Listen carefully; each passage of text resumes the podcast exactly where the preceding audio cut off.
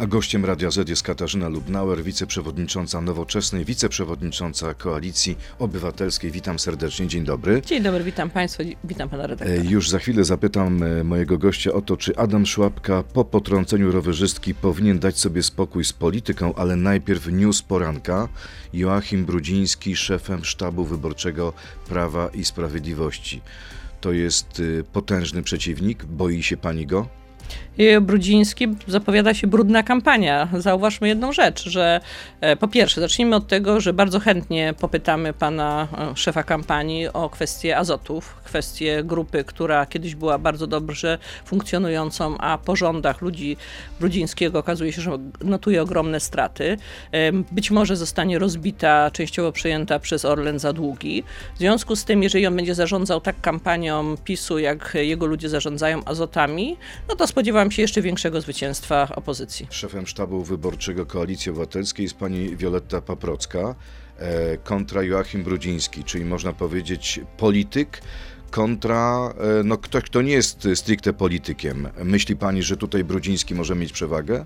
Jestem przekonana, że pani Paprocka jest bardzo dobrym szefem sztabu, bardzo merytorycznym, profesjonalnym, natomiast nie mam też żadnych wątpliwości, że pan Brudziński na pewno najpierw powinien wyjaśnić kilka spraw z jego, nazwijmy to, życiorysu politycznego, między innymi rzeczy związane z finansami, rzeczy związane właśnie z kwestią na przykład tego, jak dużo osób płacało na jego kampanię z, z zarządów spółek Skarbu Państwa. Będzie lepszy niż znaczy, Tomasz Poręba? Co, to jest bardzo dobry przykład pod tytułem jak prowadzić e, do kampanii wątek tłustych kotów. E, ponieważ właśnie te tłuste koty wpłacały na kampanię Brudzińskiego, chyba 80% jego kampanii do Parlamentu Europejskiego była finansowane dokładnie z wpłat. Będzie lepszy niż Tomasz Poręba?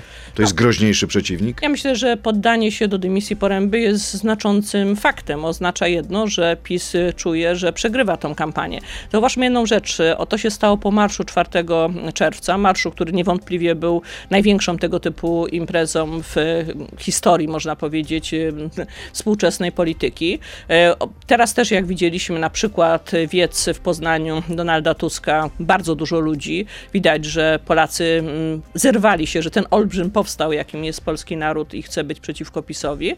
Myślę, że Poręba nie chciał być ojcem porażki. Jak wiemy, porażka zwykle bywa sierotą. Jojo postanowił, co, co prawda, ją e, usynowić, ale Jojo, używa pani takiego określenia no, wobec Joachima Joachim, Brudzińskiego? Joachim Brudziński. A Donald Tusk... Stało się popularne. A, Donald, a propos Poznania... Zresztą Donald... mi się akurat podoba. To jak brzmi z zdrabniać, to akurat to fajnie A brzmi. pani ma jakąś ksywę, jakiś pseudonim? Nie. Żadnego? Nawet w dzieciństwie, w młodości pani nie miała? Nie. A Donald Tusk powinien przeprosić za te słowa o tym, że władza PiS to seryjni zabójcy kobiet? To raczej PiS powinien przeprosić kobiety. Zauważmy, że pozbawił polskie kobiety prawa do aborcji, do terminacji ciąży, po pierwsze w dramatycznej dla niej sytuacji, kiedy jest na przykład wada letalna płodu, czyli sytuacji, w której wie, że musi donosić ciężko uszkodzony płód, to zrobił świadomie. Dlatego, że słowa mm, Jarosława Kaczyńskiego z 2016 roku o tym, że on chce, żeby e, kobiety nosiły ciężko zdeformowany płód, e, nawet z wadą śmiertelną po to, żeby po urodzeniu mogły ochrzcić i pogrzebać, najlepiej świadczy o tym, że zrobili to w sposób zamierzony, że to nie był przypadek. Ale Trybunał przyzna pani w tym orzeczeniu, w werdykcie Trybunału Konstytucyjnego e, ta sprawa nie funkcjonuje, czyli kwestia Dobrze, zagrożenia ja życia inaczej. i zdrowia kobiety. Jeżeli wychodzimy z założenia, że to jest kwestia lekarzy czy szpitala, to przypomnijmy, że na czele tego szpitala w, na Podhalu stoi e, pan Marek Wierzba, polityk soli, suwerennej Polski, radny Prawa i Sprawiedliwości, człowiek, który uważa, że tym się właśnie szczyci, że tam nie są wykonywane żadne aborcje. Czyli mamy do czynienia z sytuacją, w której szpital świadomie nie dokonuje procedur, które są częścią świadczeń. Jest pani pewna, że szpital dokonuje tego świadomie? Czy to no, nie był szpital, błąd lekarski, czyli tak naprawdę zaniedbanie, za które lekarze powinni tym, odpowiedzieć? E, szpital imienia Jana Pawła II szczyci się tym, że ma relikwie i że nie wykonuje aborcji. Teraz zauważmy jedną rzecz. E, polskie kobiety boją się być w ciąży, boją się decydować na dzieci, w wyniku czego po pierwsze mamy rekordowo niską liczbę e, urodzeń, ale po drugie kobiety bardzo często szukają pomocy za granicą. Czyli w tej chwili tą furtką, która pozwala kobiecie poczuć się bezpieczniej, to jest kontakt do takich środowisk, które umożliwiają im wyjechanie za granicę w sytuacji, kiedy mamy albo zagrożenie, albo sytuację wady pani letalnej, albo statystyki inne Ministerstwa sytuacje. Zdrowia. Właśnie dlatego, że kobiety Przed uciekają przed polskim e, Było mniej śmierci okołoporodowych kobiet niż po werdykcie. No Jak właśnie. to wytłumaczyć? Bo Polki uciekają z Polski, do, e, żeby dokonać tego typu zabiegów w Holandii, w Czechach. E, Akurat w przypadku tych wad letalnych to najczęściej to jest Holandia, ponieważ oni tam mają dłuższy ten czas, a ponieważ w Polsce bardzo często późno kobiety dowiadują się o tym, że dziecko jest e, z wadą, właśnie przez to, że lekarze boją się wykonywać badań prenatalnych, bardzo często nie chcą, ponieważ wiedzą, że potem nie za mocno jest co zrobić z, z tym faktem. Pani poseł. No to mamy taki efekt. Jest pani dumna, że pani jest parlamentarzystką, posłanką? Tak, nie mam z tym problemu. Ale nie uważam, żeby to była, jest to też służba w związku z tym. Ani jest się tym nie chwalę, ani nie wstydzę się tego. Bo chyba problem ma pani szef, lider nowoczesnej Adam Szłapka, który potrącił 16-letnią rowerzystkę, która doznała urazu głowy ze złamaniem kości nosowych z przemieszczeniem. Rzeczpospolita dotarła do notatki służbowej policjantki. Wynika z niej, że Adam Szłapka nie wspomniał wezwanym policjantom, że jest posłem. E, Adam Szłapka nie zasłonił się immunitetem niewątpliwie. Zachował się dokładnie wzorowo, tak jak w takiej sytuacji należy się zachować. E, Wezwał e, oczywiście policję, wezwał e, pogotowie, zaopiekował się poszkodowaną. Sytuacja była taka, jak wielu z nas e, wyobraża sobie, jak czasami jak skręcamy, to ponieważ jak jest ścieżka rowerowa, to często rowerzyści e, jadą dość szybko, na małej prędkości, rzeczywiście doszło do jakiegoś e, kolizji. Zrobił wszystko, żeby zaopiekować się osobą poszkodowaną, łącznie z tym, że tam e, zawiadomiono oczywiście rodziców, e, on jest zresztą w kontakcie z tą całą rodziną e, i następnie w czasie przesłuchania na pytanie, co robi poinformował, że pracuje w Sejmie i na drugie pytanie powiedział, że jest posłem, nie zasłonił się immunitetem. I mam wrażenie, że to, co jest najbardziej zaskakujące, to jest to, że można się nie zasłonić immunitetem. Pani policjantka jasno stwierdziła w tej notatce, że pan poseł jednak ukrywał swój zawód i to nawet wiedząc, że dostanie zarzut z kodeksu karnego. E, I dopiero dopytywany przyznał, że jest parlamentarzystą. Pani wie, że policja nie może przesłuchać posła. Ja rozumiem. Chciał być potraktowany immunitet. jak normalny obywatel. E, Problem polega na tym, że w przypadku na przykład e, wypadków w znaczeniu na przykład przekroczenia kodeksu drogowego, my mamy prawo na przykład przyjąć mandat. Monika Falej, wiceszefowa Sejmowej Komisji Etyki Poselskiej, mówi tak: Nie wiem, dlaczego poseł to ukrywał. Jestem zdziwiona. Trzeba być dumnym, że jest się posłem. Jeśli wydarzył się wypadek, trzeba wziąć za to odpowiedzialność, zwłaszcza, że wykonujemy zawód zaufania publicznego. No to wręcz odwrotnie, Adam Szłapka chciał wziąć na siebie pełną odpowiedzialność. Natomiast y, dlatego powiedział od razu, że się zrzeknie immunitetu i powiedział, że chce ponieść pełną Czyli odpowiedzialność. nie ma problemu. Nie ma problemu. Natomiast y, poza wszystkim ja powiedziała, że ja nie jestem dumna z tego, że jestem posłem, jestem dumna z zaufania, które dali mi wyborcy. Przed panią jest raport Najwyższej Izby Kontroli dotyczącej programu Villa Plus. Trzy najważniejsze sprawy, które wynikają z tego raportu to Dokładnie rzecz biorąc, to jest raport z wykonania budżetu za rok 2022 powie- poświęcony oświacie i wychowaniu. E, Tu są wnioski NIK-u z tych rzeczy, które zwracałyśmy po kontroli z panią Krystyną Szumilas. E, Najważniejsze rzeczy, wydanie 6 milionów na e, trzem fundacjom niezgodnie z podstawowym warunkiem, jakim jest doświadczenie w edukacji. E, 3,5, 3, ponad 3 miliony, 3,1, 3 miliony 100 tysięcy wydane na przykład dwukrotnie tej samej szkole akurat y, em, katolickiej, która na to samo zadanie na, na, w tym samym konkursie dostała dwa razy pieniądze, bo ktoś się pomylił. E, kwestie związane z tym, że 84 miliony dla 149 podmiotów e, z poszczególnych, tam było kilka tych e, projektów, zostało wydane wbrew opinii, wbrew opinii mm, zespołu Ale czy te decyzje, doradców. czy można powiedzieć, że te decyzje pana ministra Czarnka były nielegalne?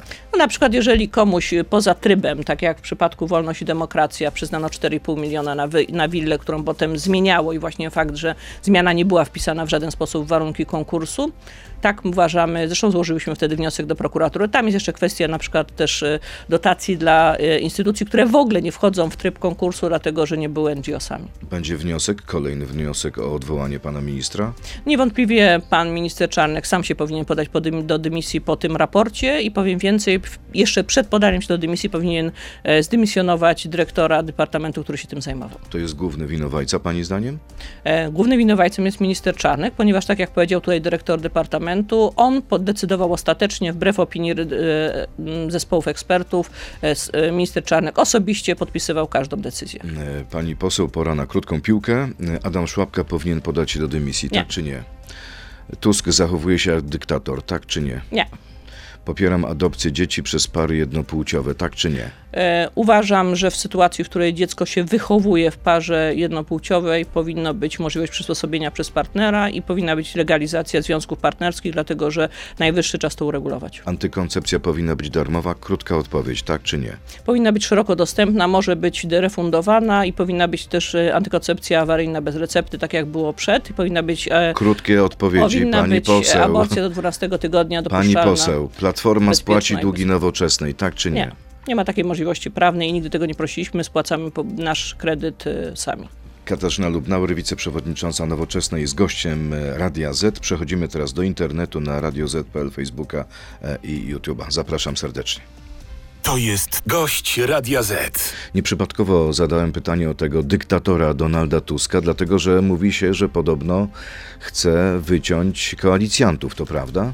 Nie, nic takiego nie ma miejsca, natomiast em, szczerze mówiąc uwielbiam te plotki z kuluarów, które mm, nie mają nic wspólnego z prawdą. Tygodnik wprost pisze, że wśród koalicjantów zaczyna się ferment. Y, Donald Tusk y, podobno da dwie jedynki tylko koalicjantom, panu przewodniczącemu Szłapce i pani przewodniczącej Nowackiej. Ja to przypomnę, prawda? ja przypomnę, że Adam Szłapka w poprzednich wyborach startując z trójki miał wynik 50 tysięcy, co było najlepszym chyba wynikiem z trójki w ogóle e, we wszystkich, e, na wszystkich listach, a pani e, Barbara Nowacka miała też jeden z najwyższych wyników, jeśli chodzi o wybory, z, od siebie tam z jedynki z Gdyni.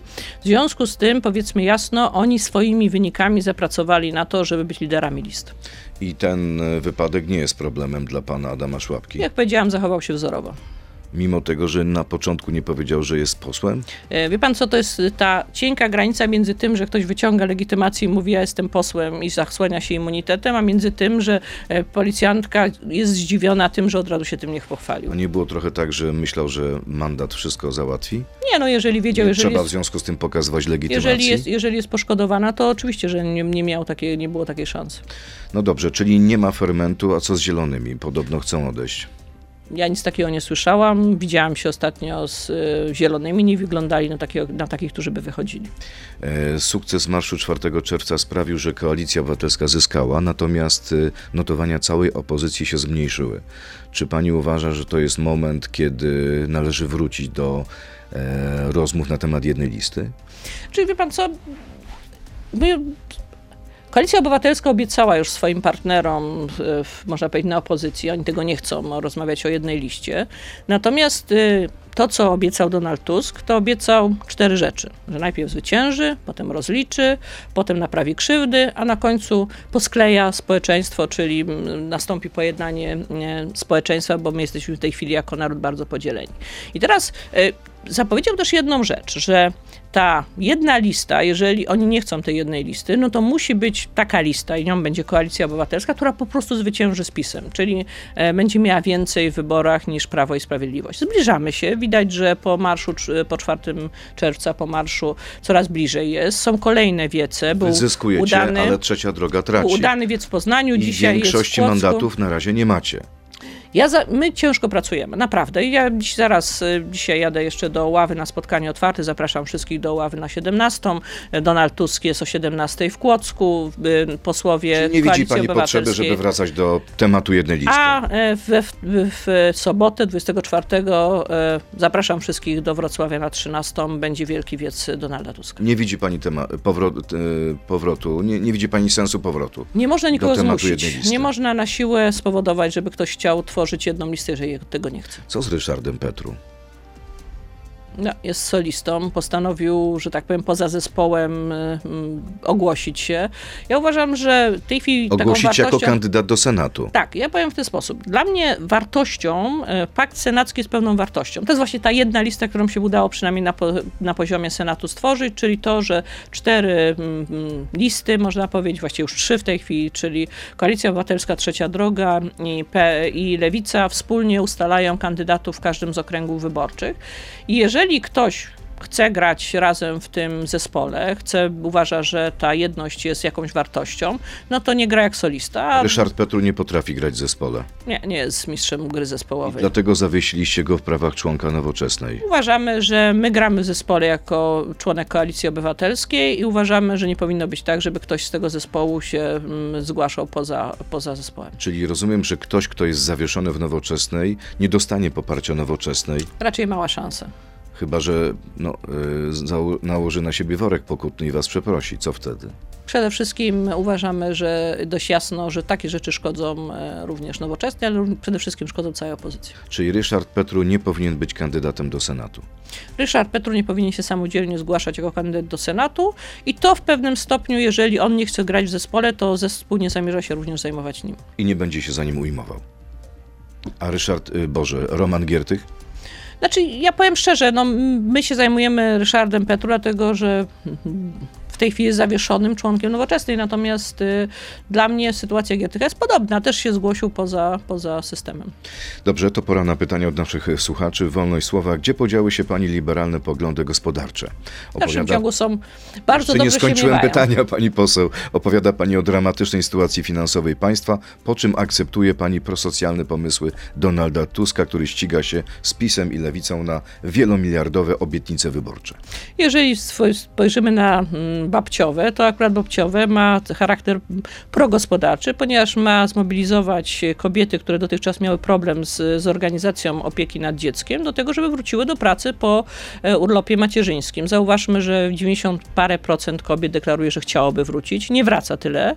W związku z tym e, zapewnienie opieki babci, niani lub e, żłobka prywatnego, bo nie wszędzie są żłobki publiczne, połączone z drugą deklaracją tego, żeby w każdej gminie był taki żłobek, powoduje, że więcej kobiet wróci do pracy. Ale są też propozycje bardzo liberalne. Są propozycje związane na przykład e, z kwestią innej rozwiązania, rozwiązania składki e, zdrowotnej, tak żeby przedsiębiorcy nie płacili od e, nietypowych zysków, czyli na przykład od sprzedaży nieruchomości czy samochodu. Uważamy, że od takich rzeczy nie powinno być składki zdrowotnej. Kolejne pytanie. Dlaczego mówicie państwo o tym, że dokonacie rozliczenia rządów PiSu, ale nie, ale nie rozliczyliście państwo do poprzedniego pytanie. Pani nie była w poprzednim rządzie. Nie byłam wtedy w A Platforma parlamencie. powinna się rozliczyć, Donald Tusk Uważam, że był błąd rozliczyć. wtedy, że nie rozliczono Ziobry. Natomiast przypomnę, że rozliczono Kamińskiego i Wąsika, którzy mieli wyrok pierwszej instancji. No właśnie, co zrobicie ze składką zdrowotną po wygranych wyborach? To już powiedzieliśmy, że nie powinno być od tych e, nietypowych e, zysków. Natomiast w ogóle e, rzeczywiście trzeba myśleć o tym, co zrobić w ogóle całym z ochroną zdrowia, bo to jest bardzo duże przedsięwzięcie. Czy Koalicja Obywatelska stosuje taktykę moje rozdawnictwo jest lepsze niż twoje? No to wróciliśmy do podstawowego pytania. U nas y, podstawowym zadaniem jest to, żeby praca się opłacała, czyli uważamy, że trzeba wspierać wszystko to, się, co się wiąże z pracą. Na przykład jest wyższa podwojona kwota wolna 60 tysięcy, a nie 30 tysięcy, szczególnie, że rosną w tej chwili e, i pł- płaca minimalna i rosną dochody Polaków, e, ponieważ jest bardzo wysoka inflacja, w związku z tym za chwilę ta dotychczasowa kwota wolna będzie no, nieproporcjonalna do zarobków. Krzysztof, jak idzie spłata długów nowoczesnej dzisiaj? Tak jak powiedziałam, płacimy nasz kredyt. Tak jak wielu Polaków Ile mamy wam kredyt jeszcze zostało? Nie wiem, ja się nie zajmuję akurat finansami. A kto się zajmuje? Pampuch jest y, od dawna skarbnikiem. Mirek Pampuch. Dzień dobry. Czy przeczytała Pani raport o stanie państwa autorstwa Lewicy? Czy zamiast budowy tanich mieszkań na wynajem, koalicja zgłosi postulat budowy mieszkań na tani wynajem? Bardzo jasno mówimy, że mamy taki całościowy program mieszkaniowy. To jest od mieszkanie, ten kredyt 0%, ale również tam są pieniądze dla samorządu związane z rewitalizacją nieruchomości, które mogły być przeznaczone potem na wynajem. To przypadek Łodzi jest na przykład. E, My tam mamy bardzo dużo kamienic, które wymagają rewitalizacji. Bytom, Łódź, ale też również e, Warszawa i bardzo wiele miast ma takie budynki, które po e, rewitalizacji mogły być przeznaczone na mieszkania komunalne, ale również dopłata do e, najmu. I nie mam żadnej wątpliwości, że również trzeba takie wzmacniać przedsięwzięcia, jak na przykład TBS. Mam wrażenie, że w tym pytaniu był ukryty sarkazm na zasadzie takiej, że e, wiele rzeczy plagiatujecie. Nie, my, znaczy my bardzo jasno mówimy jedną rzecz, że im więcej mamy propozycji, które są zbieżne w ramach opozycji demokratycznej, tym lepiej to wróży na przyszłość do wspólnych rządów. Dlaczego Nowoczesna jest za jak najszybszą likwidacją polskiego złotego i wprowadzeniem w Polsce euro? Co spowodowałoby przede wszystkim utratę kolejnej części suwerenności? Po pierwsze, my uważamy, że euro by nas na stałe związało z Unią Europejską. Mamy w tej chwili na przykład władzę, która bardzo chętnie by nas z tej Unii Europejskiej wypisała, ale nie ma możliwości szybkiego wprowadzenia euro w Polskie, co Polsce, dlatego że po, tych, e, po tej polityce Prawa i Sprawiedliwości nie spełniamy już warunków e, e, konwergencji. Znaczy, Czyli nie domagacie się natychmiastowego wprowadzenia nie ma euro. takiej możliwości po prostu. My domagamy To się... jaką widzi pani perspektywę? Widzę perspektywę przede wszystkim wejścia na tą drogę spełniania tych warunków po to, że to jest, oznacza uzdrowienie finansów państwa, czyli na przykład to, że powinny być ujawnione. My mówiliśmy dzisiaj o raporcie NIK. To jest fragment raportu NIK dotyczący działu oświata i wychowanie. Ale cały raport NIK pierwszy raz w historii jest negatywna jest opinia, jeśli chodzi o analizę wykonania budżetu, ponieważ zbyt duża część budżetu jest poza budżetem, czyli jest e, w różnych funduszach, takich jak Bank Gospodarstwa Krajowego, przez co drogo się zadłużamy, przez co jako Polska jakby nie, nie ma pełnej kontroli publicznej nad tym, jak są wydatkowane pieniądze. Przykładem jest na przykład ten kredyt na zakup broni w Korei, gdzie słyszymy z prasy, że 70 parę miliardów zostało pożyczonych i nikt nie wie dokładnie na jaki procent, e, w jaki sposób. Ale uważa pani, że tym- tej broni nie powinniśmy kupować od Koreańczyków? Uważam, że powinniśmy kupować, ale nie ma powodu, żeby takie rzeczy były poza wiedzą publiczną, czyli żeby było niejawne finansowanie tego typu projektów. Jeżeli mamy sytuację, w której państwo e, społeczeństwo nie kontroluje władzy, jeśli chodzi o wydatkowanie pieniędzy, no to znaczy, że ta władza pozbawia społeczeństwa kolejnego fragmentu demokracji. Najprawdopodobniej sfinansują to sami Koreańczycy. No nie sfinansują. koreański. Nie. Sfinansują, my pożyczymy u nich. To jest tak, jakby panu powiedział, że e, kupując mieszkanie i zaciągając kredyt w banku, jakby pan powiedział, że bank panu sfinansował mieszkanie. Nie, bank panu nie sfinansował mieszkania. Bank panu pożyczył pieniądze, żeby pan mógł sfinansować za nie mieszkanie. Ale czy to jest coś złego, że pożyczamy pieniądze, żeby sfinansować zbrojenia? E, My daliśmy dość szeroką możliwość temu partii rządzącej. Przypomnę, że wszyscy głosowaliśmy za ustawą o, obron- o obronie ojczyzny, która dawała możliwość szerokich wydatków na obronność. W związku z tym tutaj jest pewien konsensus em, wszystkich ugrupowań, też tej opozycji demokratycznej. Natomiast uważamy, że to powinno być w sposób przejrzysty, czyli powinna być nad tym kontrola społeczna. Kontrolą społeczną jest kontrola na przykład NIK-u, na przykład kontrola posłów, a rozumiem, że rząd robi to poza kontrolą. Pani poseł, szef ukraińskiego IPN-u Anton Drobowicz powiedział, że Kijów nie pozwoli na ekshumację zabitych podczas rzezi wołyńskiej, ponieważ Polska nie odnowiła zdewastowanego pomnika ku czci żołnierzy UPA na Podkarpaciu. Jak powinna zareagować Polska? Znaczy, oczywiście te rzeczy są nieproporcjonalne, natomiast ja też nie mam żadnych wątpliwości, że dla dobra naszych stosunków e, powinno być e, to, co zresztą obiecywał kiedyś współpracownik pana prezydenta, wtedy Kumok, że do stycznia bodajże tego roku miał być e, wypracowany jakiś traktat o wzajemnych stosunkach i takie rzeczy powinny w tym traktacie również być uregulowane. To, że tego nie ma, świadczy szczerze mówiąc o pewnych kolejnych brakach polskiej dyplomacji. Zauważmy jedną rzecz, że e, My mieliśmy wyjątkowo dobre te stosunki, szczególnie w pierwszym okresie wojny, kiedy byliśmy tym państwem, które pierwsze rzuciło się na pomoc i to zarówno jeśli chodzi o pomoc, y, e, którą wspierała przecież też opozycja dotycząca obronności w znaczeniu broni, ale również jeśli chodzi o tą pomoc, odruch serca wszystkich Polaków, którzy przygarnęli w bardzo krótkim czasie miliony ukraińskich uchodźców. No dobrze, ale czy I- dzisiaj powinniśmy przycisnąć Ukraińców i powiedzieć, kochani, tyle Ja dla was jestem- zrobiliśmy, ja nie jestem zróbcie zwolennikiem- gest w naszym kierunku. Ja nie jestem zwolennikiem medialnego przyciskania i nie uważam, żeby to, To w był jaki temat sposób to robić? Uważam, że to powinny być rozmowy między rządem a czy prezydentem a Ale Żołańskim chyba są cały czas się toczą. No to w takim razie są mało skuteczni. To jest tak jak e, w bardzo wielu obszarach, kiedy dużo mówią, natomiast jak to. Może Jak to naciskamy, mówi a pan- oni są oporni. Jak to mówił pan premier o tej krowie, to właśnie mniej więcej w ten sposób e, jest z polską polityką zagraniczną. No tak, ale oni chyba głośno nie mówią na ten temat. No niestety mam czasami wrażenie, że przed wojną jeszcze bardzo głośno mówili, natomiast efekty były nijakie. Natomiast w tej chwili, kiedy była okazja do tego, żeby tą sprawę załatwić, e, widzimy, że cały czas jest to niezałatwione. Sądzi pani, że na przykład zbliżająca się rocznica rzezi wołyńskiej to jest ten moment, kiedy Powinien być. powinno być jakieś wspólne oświadczenie Warszawy i Kijowa? Znaczy, była bardzo dobra na przykład e, szefa e, mm, e, Rady e, Parlamentu Najwyższej- Ukraińskiego. Tak, Rady Najwyższej Parlamentu Stefańczuka, tak, wypowiedź w polskim parlamencie, która dawała nadzieję. Z tym, że tutaj też powiedzmy szczerze, ten gość, który się wypowiada, to nie jest, to jest jakiś urzędnik po prostu, to nie jest przedstawiciel rządu, tylko to jest taki ich, ich niego IPN-u bodajże no tak. przedstawiciel. W związku z tym ja też nie traktowała tego jako wypowiedzi rządowej, tylko raczej jako wypowiedź urzędnika, który być może tam ci też powinni Ambasador Ukrainy powinien być wezwany na dywanik polskiego MSZ-u za wypowiedź szefa IPN-u? Ja myślę, że w tej chwili jest taki moment, y, szczególnie, że w Ukraina w tej chwili no, też podejmuje działania szczególnie silne w celu dokonania jakiegoś y, kontrataku, że y, im ciszej, tym lepiej. Ja bym oczekiwała od polskiego rządu skuteczności, a nie gestów. Czy koalicja obywatelska poprze referendum w sprawie imigrantów?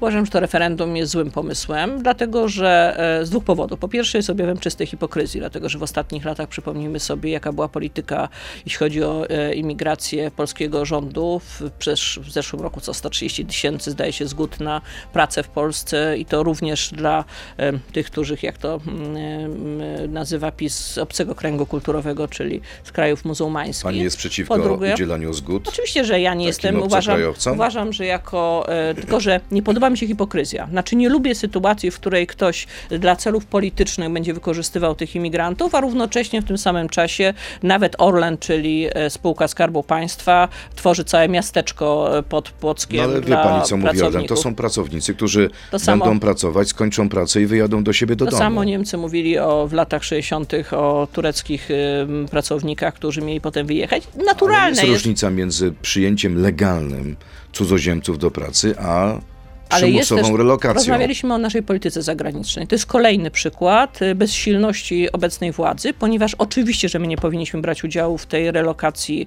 e, imigrantów z mm, południowej Europy z bardzo prostego powodu, znaczy tych, którzy dotarli do południowej Europy z krajów afrykańskich, z bardzo prostego powodu, ponieważ przyjęliśmy miliony ukraińskich uchodźców i powinniśmy dostać y, pomoc ze strony Ukrainy proporcjonalną do tego, co dostają tamte kraje, jeśli chodzi o jednego uchodźcę. I to, że polski rząd tego nie potrafi załatwić i zamiast tego proponuje referendum, to świadczy o tym, że są nieudolni. I przykrywanie swojej nieudolności referendum uważam za e, objaw e, no, takiego, no, takiej gry na emocjach, która nie powinna mieć miejsca. Jest jeszcze jeden element. To spowoduje napędzenie Konfederacji, dlatego że Konfederacja od razu to wykorzystała nie tylko przeciwko temu systemowi relokacji, którego w ogóle jeszcze nie ma, dlatego że na razie to jest tylko e, propozycja Rady e, Unii Europejskiej, czyli na poziomie ministrów spraw wewnętrznych, tylko przeciwko uderzaniu również e, w uchodźców no dobrze, z Ukrainy. ale tak naprawdę do końca nie wiemy, czego chcą Polacy. Widziała pani dzisiejszy sondaż w Rzeczpospolitej. Z tego sondażu wynika, że aż 42% badanych popiera propozycję Unii przy czym chce też rekompensaty za to, że przyjęliśmy Ukraińców. Dla mnie sytuacja Czyli może warto zapytać Polaków, co myślą w referendum na temat tak ważnej ja sprawy. Ja jeszcze jeden argument. Można pomyśleć ja jeszcze o jeden argument przeciwko pytań. referendum. Niedawno przekładaliśmy wybory samorządowe, bo jak PiS tłumaczył, bardzo trudno byłoby rozliczyć dwie kampanie równocześnie. Samorządową i kampanię parlamentarną, bo bardzo trudno jest rozróżnić, które wydatki są na co. Wyobraża sobie pan, co się by działo, jeżeli byłoby tego samego dnia referendum i kampania wyborcza do parlamentu by się kończyła, wybory parlamentarne, w jaki sposób pan by rozdzielił wydatki referendalne od wydatków na kampanię wyborczą? A dlaczego Szwajcarzy Rozumiem, mogą że... wypowiadać się w referendum na temat praktycznie każdej sprawy, a Polacy tak rzadko? To zapytałabym Polaków, którzy poszli w ilości 7,8% na ostatnie referendum, które było w Polsce organizowane przez Komorowskiego. Nie mamy, są inne Może tradycje. warto w związku z tym, żeby frekwencja była wyższa, żeby referendum było w dniu wyborów. Nawet nawet chciałam powiedzieć, że w dniu wyborów organizowane przez e, Węgrów, bodajże referendum, okazało się, że dużo mniej osób wzięło udział w referendum niż wzięło udział w wyborach. Ale Polacy... dajmy im szansę. Paweł Kukiz, który tutaj był w piątek, mówi hańba opozycji, która nie chce dać ludziom y, prawa do opinii. Jeszcze raz. My jako opozycja jesteśmy przeciwko temu, żeby Polska wzięła udział w tym mechanizmie relokacji imigrantów. Nie ma tutaj konfliktu między poszczególnymi partiami w, na polskiej scenie opozycyjnej. W związku z tym to nie jest temat, który należałoby rozstrzygać w referendum, jeżeli cała klasa polityczna od y, y, lewej strony po prawą stronę, w tej sprawie sądzi tak samo, ponieważ wiemy, że wysiłek Polski związany z uchodźcami z Ukrainy był na tyle duży, że to Unia Europejska powinna również Polsce pomagać w kwestii utrzymania tych uchodźców, a nie my powinniśmy brać udział w relokacji tych imigrantów, którzy są e, e, w południowej części Europy z krajów e, no, jeszcze bardziej dalszego południa. I to jest prosty komunikat, który myślę, że każdy powinien wiedzieć. Drugi komunikat brzmi: Nie lubię hipokryzji. A to, co robi PiS, to jest czysta hipokryzja. Nie można równocześnie przyjmować ponad 100 tysięcy ym, imigrantów legalnych i tłumaczyć, że 1900 jest zagrożeniem dla Polski. To, co PiS robi, to w sposób e, cyniczny nakręca e, temat, który uważa, że może być dla nich bronią w wyborach, w sytuacji, w której mamy drożyznę, kłopot z dostępem do lekarza, nie mamy środków z KPO i w sytuacji, w której mają mnóstwo kłopotów, e, na przykład z wykonaniem budżetu, bo opinia NIK-u A pierwszy może, raz a negatywna. może to jest tak, że to jest trochę problem dla pani koalicjanta, dla Platformy. Pamiętamy rok 2014-2015. Tylko jest jedna zasadnicza Pamiętamy różnica. wypowiedzi z tamtych y, czasów, gdzie politycy Platformy deklarowali, że możemy przyjąć imigrantów. Tylko przy- przypomnę, że wtedy chodziło o jakieś właśnie też y, takie mniej więcej podobne ilości y, imigrantów, a równocześnie w międzyczasie tak się zmieniła polityka rządu e, za czasów PiSu, że przyjmuje ponad 100 tysięcy w zeszłym roku, a sam Orlen przyjmuje kilkanaście tysięcy do miasteczka pod Płockiem. I jeszcze jedna Ale rzecz. ci ludzie wyjadą, Zmieniła jak skończą jeszcze- robotę. Yeah. Nie wierzy No, pani prezesowi Obajtkowi? Nie wierzę prezesowi Obajtkowi, bo wiem, jak to przebiega we wszystkich krajach. Nie jest tak, że 100% wyjeżdża, na ogół część zostaje, zakłada rodziny, sprowadza swoje rodziny, bo tak już jest na świecie. Jest jeszcze jeden element. Zmieniła się jeszcze sytuacja z jednego powodu. Przyjęliśmy, e, mamy w tej chwili około 5% polskiego społeczeństwa to są e, ukraińscy e, uchodźcy. W związku z tym i Polacy inaczej patrzą i sytuacja Polski się zmieniła. W związku z tym nie ma porównania do roku 2014-2015 i dlatego jest pełna e, zgoda wszystkich partii na opozycji. Nawet lewicy, która jak wiemy ma zwykle w tej sprawie inne trochę spojrzenie, że nie powinniśmy brać udziału No w tym dobrze, ale jeśli, mm, jeśli PiS przegłosuje, ma większość wciąż, przegłosuje referendum, to co powiecie? E, Żeby e, weź, pan- wezwiecie Polaków, żeby zbojkotowali A referendum, pan, czy nie? a zna pan pytania? Wie pan o co będą Czyli pytać? rozumiem, że jak będzie pytanie, pani się ustosunkuje. Natomiast jestem przeciwna referendum, które ma być wykorzystywane w sposób cyniczny e, do tego, żeby przykryć nieudolność rządu, który nie potrafi załatwić tej sprawy w Brukseli. Zobaczymy, co zrobi, co powie na ten temat nowy szef sztabu wyborczego Joachim Brudziński. Przed nim myślę, że trudne zadanie. Niech najpierw opowie, jak to jest z tymi azotami. Dlaczego one tak słabo przędą, odkąd rządzą Katarzyna tam ludzie Lubnauer, Brudzińskiego. wiceprzewodnicząca Nowoczesnej, wiceprzewodnicząca Koalicji Obywatelskiej, była gościem Radia Z. Bardzo pani dziękuję i Dziękuję miłego bardzo. dnia. Życzę Dziękuję miłego bardzo. tygodnia całego. Tak jest, dziękuję bardzo. To był gość Radia Z. Słuchaj codziennie w Radio Z i na player radioz.pl.